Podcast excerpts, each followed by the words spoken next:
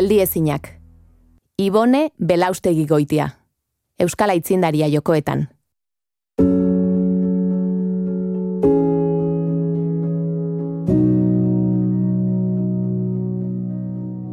Esaten dute kontakizun hon batek lau osagai eduki behar dituela ezinbestean.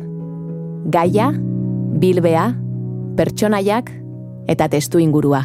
Kontatzera gatozena Mexikon gertatzen da.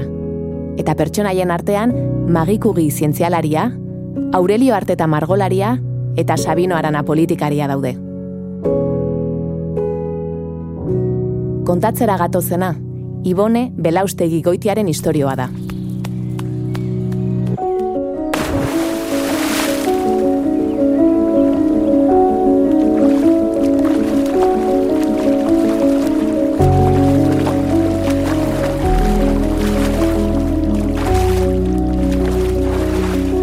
Norberaren kontzepzioaren oinarria omen da gure izena. Besteen gandik desberdin du, geure burua identifikatu eta egunero komunikatzeko erabiltzen denez, deiturek gure nortasuna eraikitzen dutela diote adituek. Abizen batzuek ordea, besteek baino eragin handiagoa dute. Julio Calleja, Euskal Herriko Unibertsitateko katedraduna eta hezkuntza eta kirol fakultateko dekanoak ondo daki. Bueno, es curioso porque el apellido Belostegi Goitia Está asociado al, deporte de alto nivel, eh, un apellido ilustre en nuestra comunidad autónoma vasca. En una época, además, en la que se da un contexto peculiar, porque en aquellos años de la guerra civil tuvieron que emigrar como familia a un país como México. Una familia formada por deportistas. Eh, el padre jugador del Atleti eh, se ubicó en Bilbao con hermanos también futbolistas.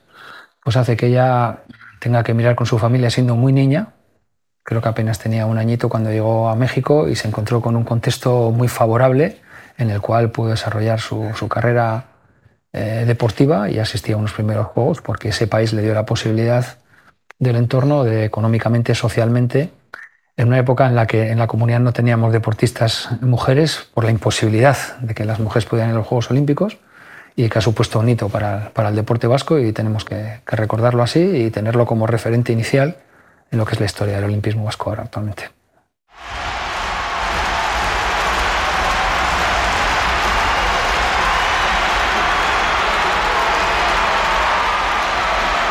Futbol jokalariak izan ziren belaustegi goitiarrak. Benigno, espainol taldean. Eta Jose Maria, Ramon, Santiago eta Francisco, atletiken. Azkenari patxo deitzen zioten. Eta Iboneren aita zen.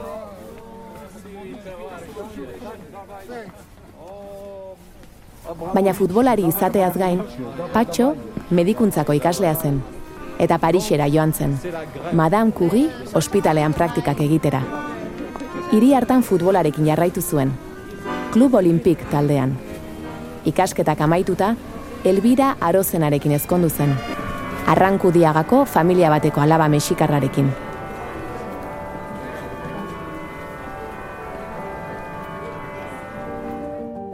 Baina joia noz Bilbon. Eta horrego naz, zinizten dut iru edo lau urte arte.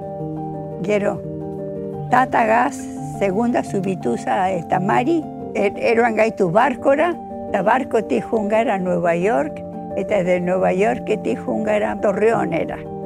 Eta topa dugu aita eta ama, baina zelan han, ura esan oso garbia, gehizotu gara de disenteria.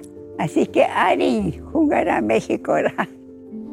Ator gurekin pestaduk egun gaitezen liberti. Ez ez ez naike ala izani, ez baita libro euskadi. Belaustegi goitia nahiak, Sabino Arana goirirekin zuten harremanaren ondorioz, Euskal nazionalismoaren jarraitzaileak ziren. Eta konpromisu horri jarraituz, Mexikoko Euskaletxeko lehendakari gisa jardun zuen patxok. Alboan zuen Aurelio Arteta margolari ospetsua. Mi ise albo batera utzi eta Euskaletxeko paretak margotzen ibili zena. Bertan, Gerra Zibilaren ondorioz, Mexikora erbesteratutako milaka euskaldunen bidelagun izan ziren. Ozeanoz bestaldetik, adi-adi jarraitu zuen Franziskok Euskal Herrian gertatzen ari zena. Euskal Herri negoten zan tuberkulosi asko, horreitik nahi eban guk eukiteko deporte, euteko aizia, euteko, egoteko, egoteko gogorrak oran ez jauzteko. Eukite ginen pisina bat etxian. Zordu nahitak esan dau. E, ez dut nahi jauzteko pisinara eta itotzeko. Zordun, bota gaitu uretara, eta da urte gara da noko zondo. Zordun, aita geratu da pakian.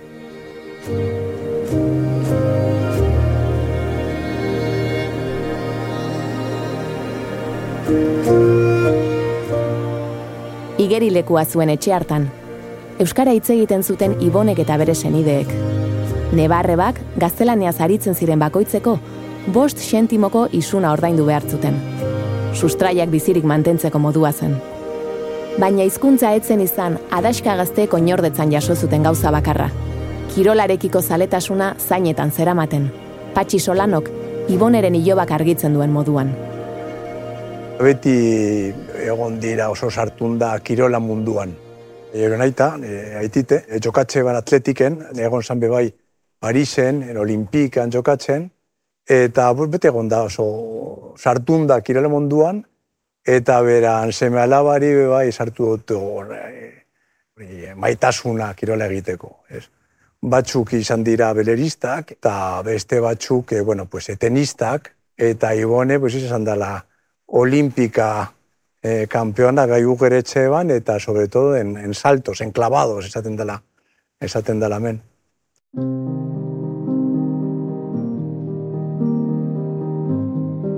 Han onduan dago klub bat deitzen zala Deportivo Chapultepec.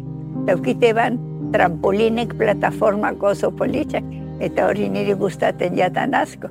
Orduan, Hasi nintzen, ni, ni saltatzen, egin dut lagun bat eta bere naita zan entrenador de saltos eta eurek arraitu duztie, niri hartu duztie, eta irakutsi duztie. Eto justo, orduan, izan direz las olimpiadas, eta nik, ba, egon direz eliminatoriak eta irabazi dut. Horreite, de repente, pues, un bien nintzela, aukeratu duzi jutean a las olimpiadas. Baina nik ere ban jakiten zer zan hori. Baina aitak bai, eta orduan aitak konpondu dau gauza guztiak. Bakarrik, eukiten eban, inskripzino, baina faltatzen zan el txin-txin, viaje un dia juteko, juteko a Londres, eta, eta hori, pues aitak egeban. Aitak jakite ban zer zan hori nik ez neska gazteark etzekien zertziren olimpiar jokoak. Ez da harritzekoa, aitzindaria izan baitzen. Ibone belaustegi goitia, olimpiar jokoetan parte hartuko zuen lehen euskal emakumea izan zen. Mexikoren ordezkaritzarekin joan zen Londresera. Londres mila beratzireun eta berrogeita zortzan, justo, justo, guda eta gero. Zan impresionante, justo enzinen kale batetik, da ikusten zindun edifizio koso politxak. Gira moten zindun, eta bakarrik zan, esaten dugu fatxada, dana, atzian egoten zan, dana purtuta, dana, dana, dana, dana. Eta gero jendia jantzita oso txiru, Racionado, colegio en Hamin Lake auta bestia.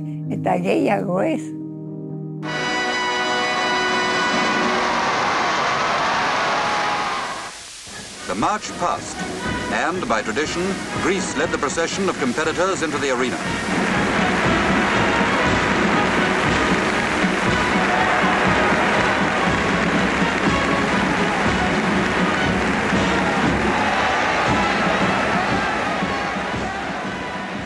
Competido en Londres baina Mexiko gaitik.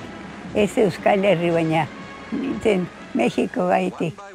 Bueno, zer gehiago, nire entrenador zan Mexiko tarra, piscina zan Mexiko tarra, irria zan Mexiko tarra, dana zan Mexiko tarra, aunque ni Bilbon jaiua, España egon zan diktadura, Franco zan el txapeldu,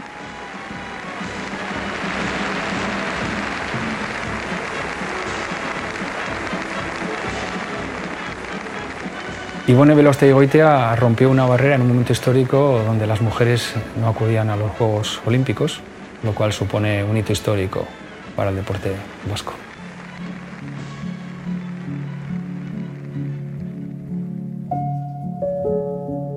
Había muchas diferencias entre el hombre y la mujer, menos oportunidades, eh, socialmente no estaba tan desarrollado, menos masa crítica, y eso hace que la participación pues, fuera prácticamente la totalidad los hombres. A lo largo de los Juegos han ido incorporando mujeres hasta el punto que debemos conseguir una igualdad para todos y todas en las próximas ediciones de los Juegos.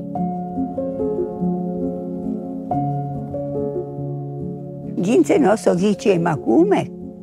orain ja danak Espainia.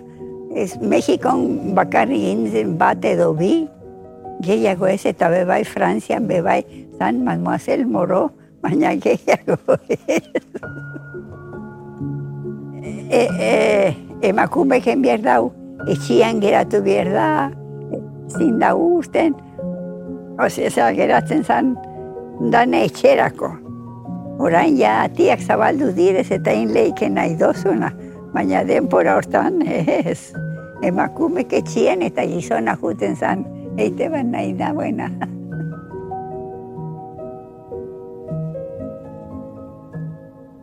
Belaustegi goitia etzen etxean geratu, eta bainu jantzi hartuta Londresera iritsi zen.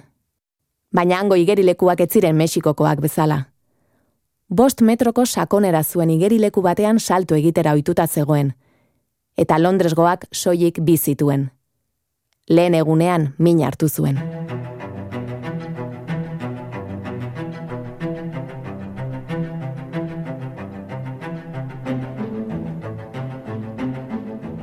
Ni ju nintzenean Londresera apurtzen naz bezua. Baina ze gaitik. Ba, ikusi. Pisina olimpika egoten zan itxita. Eta orduan, pues eukiten gindun beste pisina bat. Baina u pisina esan sakona. Eta ni, zela nintzen ondinean oso gaztia eneban jakiten hori, ba, botan salto bat eta lurre indot eta orduan bezu apurtu dut. Orduan ipini duzte bi kartoiako lan, da, ze, kendu behar dabe osatzeko zauria. Juten nintzen ean uretara, kentzen nuzien hau eta botatzen nintzen, ah, baina ze mina. Bilbotik Mexikora, Mexikotik Londresera, eta Londresetik Japoniara. Abestiak dio, beti itzultzen garela zoriontsu izan ginen lekuetara. Eta horixe egin zuen ibonek.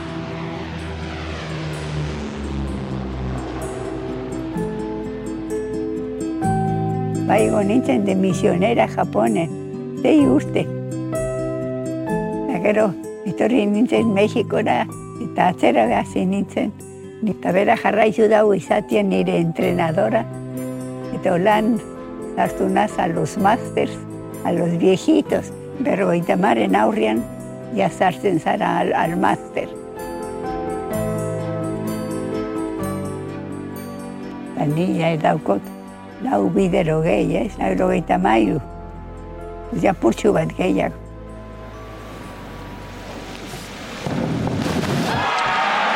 And it's a good one. A very good dive.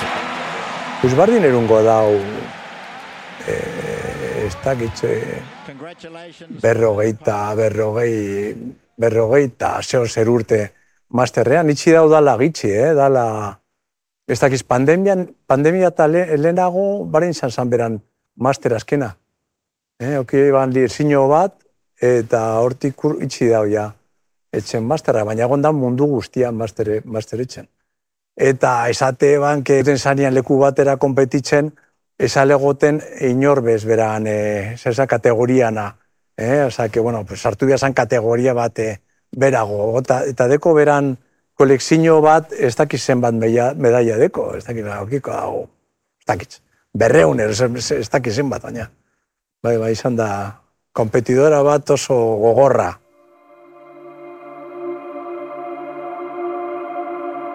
Hablamos de una situación, de un caso especial, de una persona eh, que tiene primero unas características eh, que a lo largo de la vida se han podido desarrollar. ¿no? Ella tiene actualmente 93 años y hablamos de una persona con iniciativa, con, con capacidad de, lucha, con, incertidumbre en la vida, que es capaz de cambiar de contextos y seguir adelante. Eso es importantísimo. Luego viene un contexto familiar en el que eh, todos sus familiares han sido deportistas de nivel, ¿no? Y desde muy, muy joven ella pues vivió su entorno en su casa, ¿no? El, el amor por el deporte. Parece ser que en una primera época se quedó enganchada con muy poquitos añitos de, la modalidad de salto, enclavarse en el agua, ¿no? Y eso ha hecho que haya tenido bueno, pues una capacidad de autosuperación, eh, luchar por, por, lo que a ella le gustaba, por su sueño y conseguir algo que para mí es eh, hito y lo tenemos que recordar. Eso, sumado a que viene de un momento en el cual su familia tiene que emigrar por la situación que tenemos en Euskadi a, este tipo de país, a mí me parece que es terriblemente complejo el, entorno en el que ella ha sobresalido como un champiñón excepcional y ha podido llegar a las, cotas más altas. Se han dado circunstancias de género y que esta mujer, que actualmente tiene 23 años, pues, y otras chicas deben seguir como modelo para que en el futuro, insisto, tengamos paridad en, cuanto al número de participantes vascos y vascas que, asisten a los Juegos, que en los últimos tiempos pues, ya estamos teniendo mucho éxito con las medallas de las chicas en las últimas ediciones.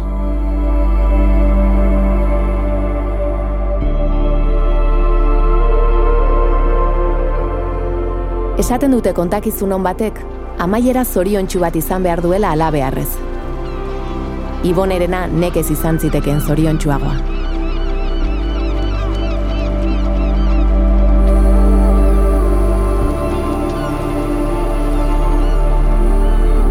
Jukatanen bizi da egun larogeita amairu urterekin. Eta Euskal Herrira jauziak maiz egiten baditu ere, Bizkaiko golkoa, Mexikokoak ordezkatu zuen aspaldi. Egunero hartzen du itsasoan murgiltzeko tartea, eta baita bizitzaz lasai hausnartzeko denbora ere. Ez dago oso pozik, ja. Ja, ja bizia da errezago orain. Ez, ez dago beste gauzak zure aurka ez, orain ja. Eta, poza moten da, ikusten dozunean, uh, hainbeste.